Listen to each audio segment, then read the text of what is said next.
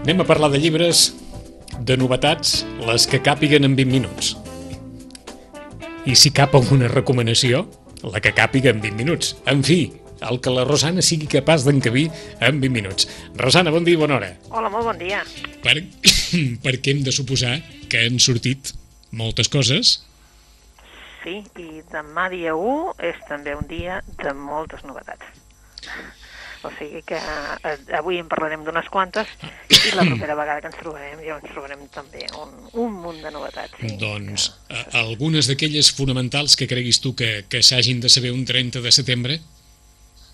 Doncs bé, uh, mira, el, jo crec que ara uh, comencem a tenir que la novel·la negra també porta segell femení. Um, si recordes el fenomen Dolores Redondo, uh Mhm. -huh. doncs ara comencem a tenir una, que segurament a veure si us sona la història, eh?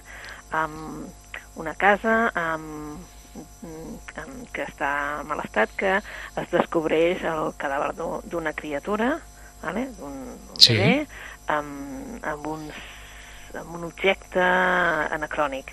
Després d'aquest descobriment tornen a passar di, de diversos assassinats en diferents llocs, diferents poblacions de Cantàbria.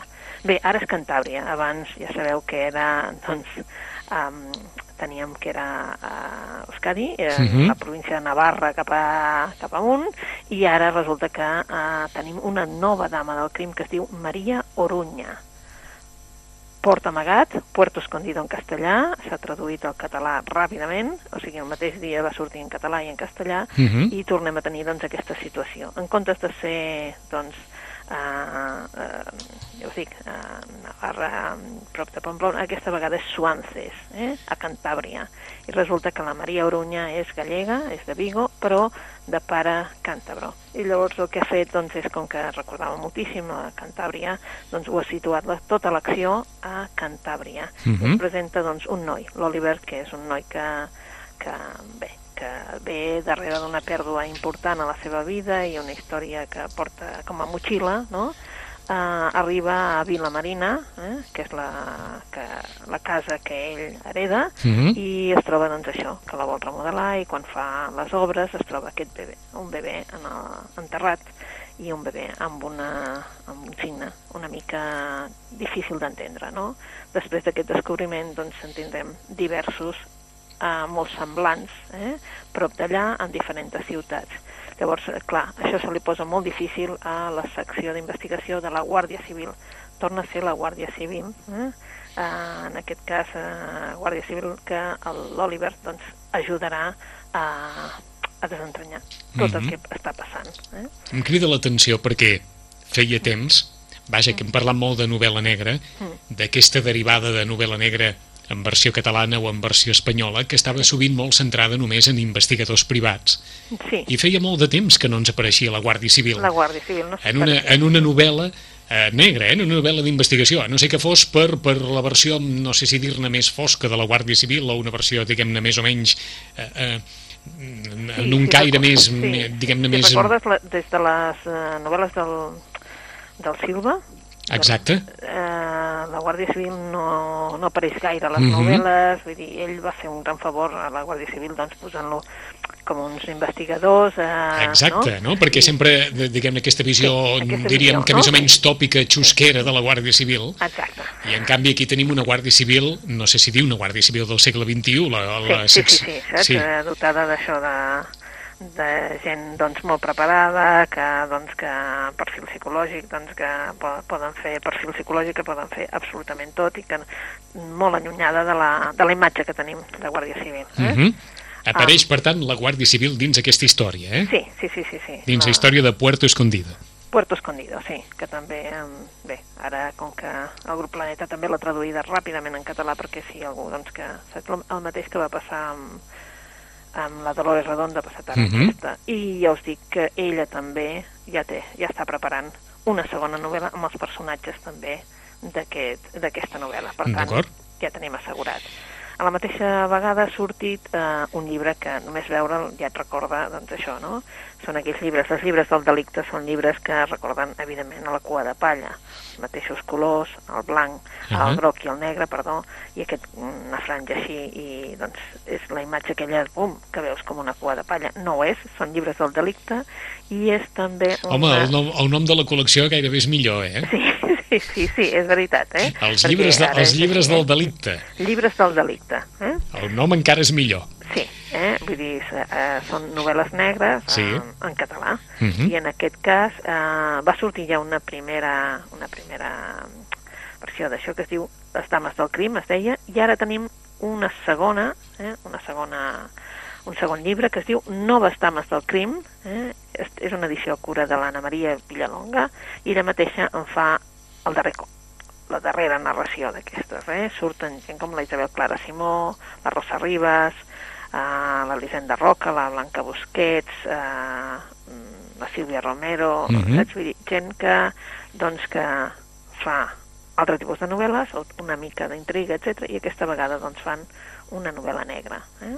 Per això, com que parlàvem de dona i escriptora de novel·la negra, doncs aquesta antologia de les noves dames del crim que ens publica eh, els llibres del delicte. D'acord, en aquest cas, petites històries, eh, Rosana? Sí, sí, sí. És a dir, sí. que es poden agafar per on es vulguin, eh? Cadascuna d'elles és diferent?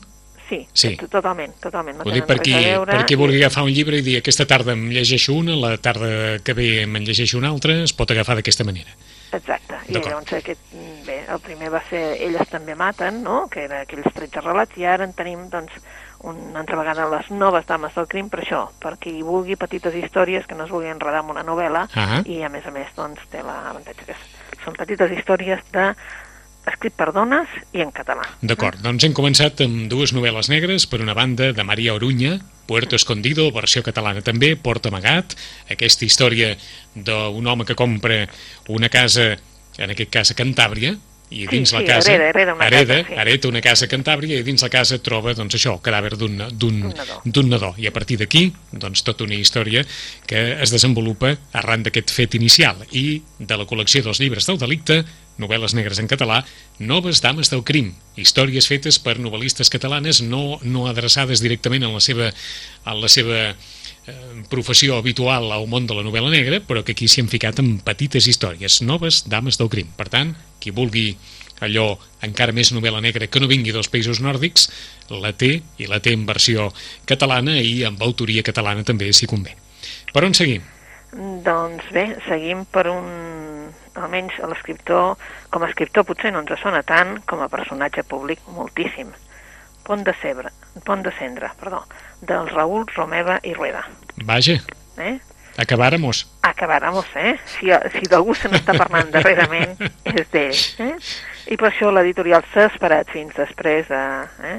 del, del diumenge, eh? Ha, sigut, ha aparegut el dilluns ja, el Pont de Cendra, aquesta novel·la curteta del Raül Romeva. D'acord, perquè que quedi clar que Raül Romeva em sembla que en la seva època d'eurodiputat algun assaig o alguna altra obra havia sí, fet, sí, eh? Sí, sí, la veritat és que sí. Tal com tu dius, aquesta ja és la tercera incursió en el món de la ficció, eh? Mhm. Perquè havia fet Sayonara Shushi, Retorn a Shambhala, i, clar, i, eh, i alguns assajos així, doncs, eh? Uh, sí, ell D'acord. Li agrada Doncs- escriure, Mhm. escriu, eh? i aquest és una petita novel·la, i a més a més una petita novel·la que commou, eh? Doncs És- eh, el pas que va tindrà material per fer-ne una que no sigui curta, Sí, eh? eh? Que no sigui curta. Sí, per què? Pues perquè se situa precisament, precisament està inspirada en, sí, recordeu una mica la història dels amants de Sarajevo, eh? aquella parella de que um, ell era, el Bosco era serbi, la Admirala era bosniana, Mhm. uh, musulmana, i s'estimaven, s'estimaven amb, amb passió, s'estimaven amb bogeria i volien fugir volien fugir, ell amb una maleta, ella carregada amb un sac a l'esquena, van intentar doncs, creuar. I allà al pont de Sarajevo i van perdre la, la, la vida, no? Uh -huh. Clar, és una novel·la que aquesta és una novel·la vista des del punt de vista de la nena, la Dragana. La Dragana és una nena de 10 anys que viu a Bòsnia en ple conflicte bèl·lic i realment eh, és a través del seu dietari, eh, perquè un dia pel seu aniversari el que rep és un diari com el de l'Eslata, no? diguéssim, un diari que porta el seu nom, Dragana, en la portada, i a partir d'aquell moment ella farà un dietari, no? Uh -huh. I aquí coneixem la història del seu germà i la seva enamorada. Doncs precisament, no? aquella parella que lluita contra aquests horrors de la guerra que, que, que, que els imposen i aquesta intolerància mm. de la religió, Mm -hmm. i clar, i el seu amor entremig. La Dragana està admirada del seu germà i de, de la noia perquè uh, volen traspassar fronteres, volen traspassar uh, religió, volen traspassar-ho absolutament tot perquè doncs, volen mm, viure el seu amor, realment, perquè sense passió, sense amor, no hi ha vida. O sigui que la novel·la parteix del dietari de la Dagana, que és la germana La petita germana de- del noi que viu aquesta història d'amor, eh? entesos. Exacte, i llavors, clar, a partir d'aquesta història doncs, eh, veurem també, evidentment, doncs, la guerra, el conflicte bèl·lic més horrorós que hem patit. Doncs, eh, ara anava a dir, de, bé, n'estem patint contínuament, però vull dir, en aquest cas eh, Europa va ser doncs, també un punt de dir ho tenim molt a prop i semblava que ho tinguéssim molt lluny, va ser, ja sabeu, mm, horrorós, i llavors, eh, doncs, aquest, per ella va ser això, no? Aquest, eh, escriure aquest dietari va ser la, la manera, doncs, d'ella de treure's, doncs, Mhm. tot el que li semblava que estava passant, no? Clar, és Doncs- una nena, una nena que creix a força de, de viure una guerra. Mm -hmm. Doncs de Raül Romeva, Mm. Cap de llista de Junts pel Sí, eurodiputat, etc etc, en versió novel·lista. Exacte. Mm? En versió novel·lista. Pont de cendre, o sigui que qui compri aquest llibre res a veure amb, amb el context actual, sinó amb, amb, amb un context per fer reflexionar. Eh? Exacte, i a més a més, doncs, una història, a part de, de clar, veus, per una part la guerra i la incomprensió de, de, de realment de d'una cosa com aquella que, va passar, i a més a més veus la història d'amor tan Mhm. bonica que tenien ells dos. Eh? Exacte. Doncs qui vulgui fer aquella certa reflexió a l'entorn de, doncs, doncs, de les creences, de les conviccions dels éssers humans davant de les situacions que els posen al límit, doncs ho pot fer a partir d'aquest pont de cendre, que és el pont on van morir eh, aquest serbi i aquesta musulmana, que varen, en aquest cas, viure una història d'amor que no va acabar doncs que no va acabar bé. I la germana petita, la nena petita de 10 anys explica precisament aquesta història, la història del seu germà amb una musulmana. Pont de cendre, de Raül Romeva. Sí, i l'editorial eh, Viena, el, amb la seva col·lecció El Cercle de Viena, eh, ha complert 50 títols. I ara ho celebren. Ho celebren eh, perquè qualsevol comprador que compri doncs, dos llibres d'aquesta magnífica col·lecció, perquè són Mhm. traduccions al català precioses, i a més a més les portades són per tenir-les així, saps allò, de cara, per veure-ho, perquè estan molt ben fetes, està molt, l'edició és molt acurada, i a més a més, doncs, els títols també valen molt la pena. Ha fet una, un quadern amb les 50 lectures, Sí. no? Que van des de, doncs, és igual, la promesa del Dirremat a la Maitreyi de la Mircea Eliade, eh? la nit del caçador, o Passió bé, senyor Chips, o Lluny del brugit del món, del Hardy, o sigui, hi ha eh, llibres que diries, bueno, el Proust, que estan traduint eh, la recerca del, del temps perdut estan traduint-los ells una altra vegada. Doncs bé, ara han publicat el número 50 del Junichiro Tanizaki, el tallador de canyes, i ells diuen que per primera vegada s'ha traduït del japonès directe a aquest tallador de canyes al català. Mm? Si no fos per les ombres, no hi hauria bellesa, deia el Junichiro Tanizaki. Aquest llibre el que trobarem és això, eh? amb, uh, un desconegut que apareix amb totes les canyes d'una nit de lluna plena i el que fa és relatar una història, una història amorosa, un triangle d'un home que s'enamora d'una vídua jove mm, i en canvi es casa amb la seva germana petita. Eh? mm? Però clar, eh, es casa amb la seva germana petita però es vol mantenir a prop de la, de la vídua i per això diem aquest triangle tan, eh, tan fantàstic, no? és, eh, bé, mm, és un, una no, novel·la que diríem que evidentment l'amor també hi té aquí la seva el seu què, però hem de pensar que és japonès, que és d'una delicadesa i una bellesa increïble, i el tallador de canyes és el número 50 d'aquest cercle de Viena, que a més a més el, els lectors rebran també un, un relat que ha editat especialment el cercle de Viena, que és La dama del gosset, del Chekhov. D'acord. És a dir, aquesta, aquesta és la promoció que ens comentaves, eh? Sí, sí. Qui sí. compri el tallador de canyes rebrà de Chekhov La, la dama del gosset i a Ah. més a més un altre quadernet que diu quadern per a 50 lectures que hi ha les portades i tu i allà doncs al costat hi pots escriure doncs eh, el que t'ha semblat el llibre si és Vaja. escriure, o simplement fer-lo servir com a llibreta eh? Escolta'm, doncs eh, això gairebé ni, ni que sigui per obsequiar, eh? És preciós És preciós. clar, és que dius, és una col·lecció que la vull tota, saps allò? És perquè a més a més els, els títols es, estan molt ben triats eh? el Nadal d'un nen a Gales eh? saps allò? Tots, i a més a més les portades és que et quedes mirant les portades i dius, bueno, no sé quina triaria eh? Ah, el preu? El preu no, no, és, no és car, eh? Vull dir que pensa que, per exemple, el tallador de canyes, el que val, ara t'ho diré, però em sembla que...